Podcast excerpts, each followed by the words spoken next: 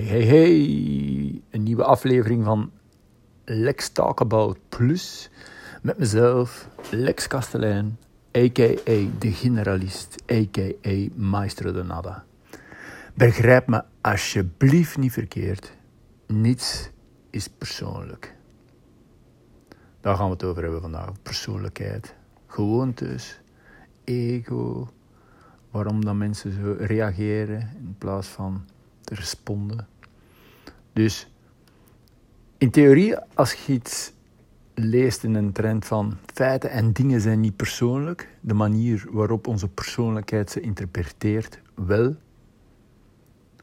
Ja, dat klopt waarschijnlijk, hè, maar allemaal goed en wel, maar we zitten allemaal met opinies, oordelen, waarden. En het is zo gemakkelijk als op je thee trappen voor in een tegenaanval te gaan. Dat is een van de redenen waarom dat ik experimenteer. Dus, want een van die dingen, uh, gewoontes, zijn een krachtige tool. Ook die onbewuste patronen, die gewoontes, gaan, we daar reageren, dat doen we onbewust. Dus als we dat vervangen, die onbewuste patronen, door bewust gekozen effectieve gewoontes, dan zal het zijn alsof dat je leven vanzelf gaat. Allee ja, vanzelf beter gaat. En, uh, en bij mij werd dat best tijdens het experimenteren. En getest of dat iets effectief werkt, want dat is hè, een effectieve gewoonte. We moeten het eerst testen, daarmee experimenteer ik daarmee. En dan heb je de keuze om dat verder toe te passen of niet. Dus uh, met bijvoorbeeld de maatregel om meer te bewegen aan de hand van microbewegingen lijkt voor veel mensen effectief, want het werkt, want 20% wordt erdoor gezonder en fitter. Dan is dan nu de keuze om het te doen, ja of nee natuurlijk. Nu, met experimenten moet ook niet te streng zijn voor jezelf. Het heet een experiment, dus het mag ook falen. Door, dus, uh, maar ik vind het belangrijk dat je je gewoontes een beetje van dichterbij bekijkt. En dat je eigenlijk van die som van al je gewoontes, dus je persoonlijkheid, naar bewuste persoonlijkheid gaat. Dat je bewust weet wat dat je uitstraalt.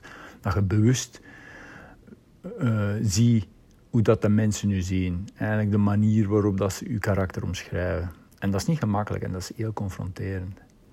Ik ga zelfs nog een strafferuitspraak doen.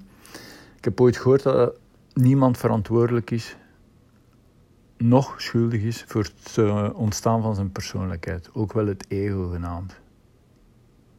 Ego is niet je vijand, het is een deel van wie je bent, namelijk je persoonlijkheid. Dus in de plaats van uh, persoonlijkheid ga ik uh, nu ego gebruiken, dat wordt het meest gebruikt. Hè. Sterker nog, als je doorhebt dat je reactief handelt, dus emotioneel handelt, en dat je daar eigenlijk niet kunt aan doen, dat is al een groot deel. Maar dat je zo blijft, dat je altijd reactief bent, ja, dat je wel zelf in dan, daar zit je zelf verantwoordelijk voor. Want je kunt je ego naar een volgend niveau tillen.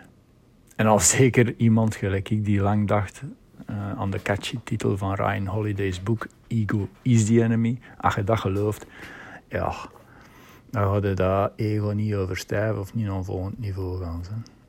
Nu, als je dat weet, dan ga je ook begrijpen waarom dat mensen tegen, tegen je roepen. En dan ga je dat kunnen plaatsen. En dan ga je zeggen, ja, dat is gelijk die een baby. Ze hebben honger, niet goed geslapen of ze hebben een probleem met hun stoelgang. Punt. That's it. Maar hoe veranderde nu? Hoe gaat het van die kikker naar prins of prinses of van die rups naar die vlinder of al die metaforen. Hè. Eén, weet dat ego gevormd wordt door actie en reactie vanaf ons tweede levensjaar. Want baby's, als ze maar eens een oog, zeker peuters, die hebben geen zelfbewustzijn. Vanaf dan ontwikkelt dat ego. En we gebruiken vanaf dan dat woord ikke, ikke, ikke. Eerst gaan we dat met ons lichaam doen en daarna met onze emoties. We gaan ons vergelijken met anderen, vergelijken met de omgeving waarin dat we bewegen. En als het ware, bovendien zelfs, worden we allemaal gebrainwashed hè, met, oh ja, iedereen doet het, dus het zal wel goed zijn. Dus eigenlijk worden collectief geconditioneerd, gebrainwashed. Denk maar aan school, denk aan opvoeding met ouders, denk aan opvoeding, sociale waarden dat je. De normen, de gebeurtenissen. Um, ja, ook trauma's en zo. En dan, als je dat ego wilt overstijgen, en dat is zeker niet gemakkelijk, dat is geen kak. Zie maar, als je zijn gewoonte wilt veranderen, je vervalt al snel in oude patronen. Je moet je daar echt bewust van zijn. Daarom experimenteer ik zo graag. Maar als je dan kunt overtreffen, hè, je ego of je persoonlijkheid, dan kom je in een soort flow-toestand. Dat geeft je gewoon vleugels. Dus het helpt wanneer je kiest om nieuwe gewoontes, of dat dan nu gezonde zijn of whatever, dat jij nodig acht nodig te hebben. Stop ze in een routine. Als je het getest hebt, je hebt ermee geëxperimenteerd, ze werken voor u, stop ze in een routine. Ochtendroutine, avondroutine, het maakt niet uit. Maar routines kosten minder aandacht en energie en dan wordt het zonder nadenken vanzelfsprekend. En als dat allemaal lukt, dan ga je spontaner een betere respons geven. Dus eh, uw antwoorden, uw handelingen neutraal waarnemen in plaats van die giftige reacties dat je geeft. Je lijkt eigenlijk minder vaak last te hebben van dat oude ego, die er ook niet kan aan hè? maar je bent er bewuster van. Amai, eigenlijk wel moeilijk, hè? Maar zo zie ik het.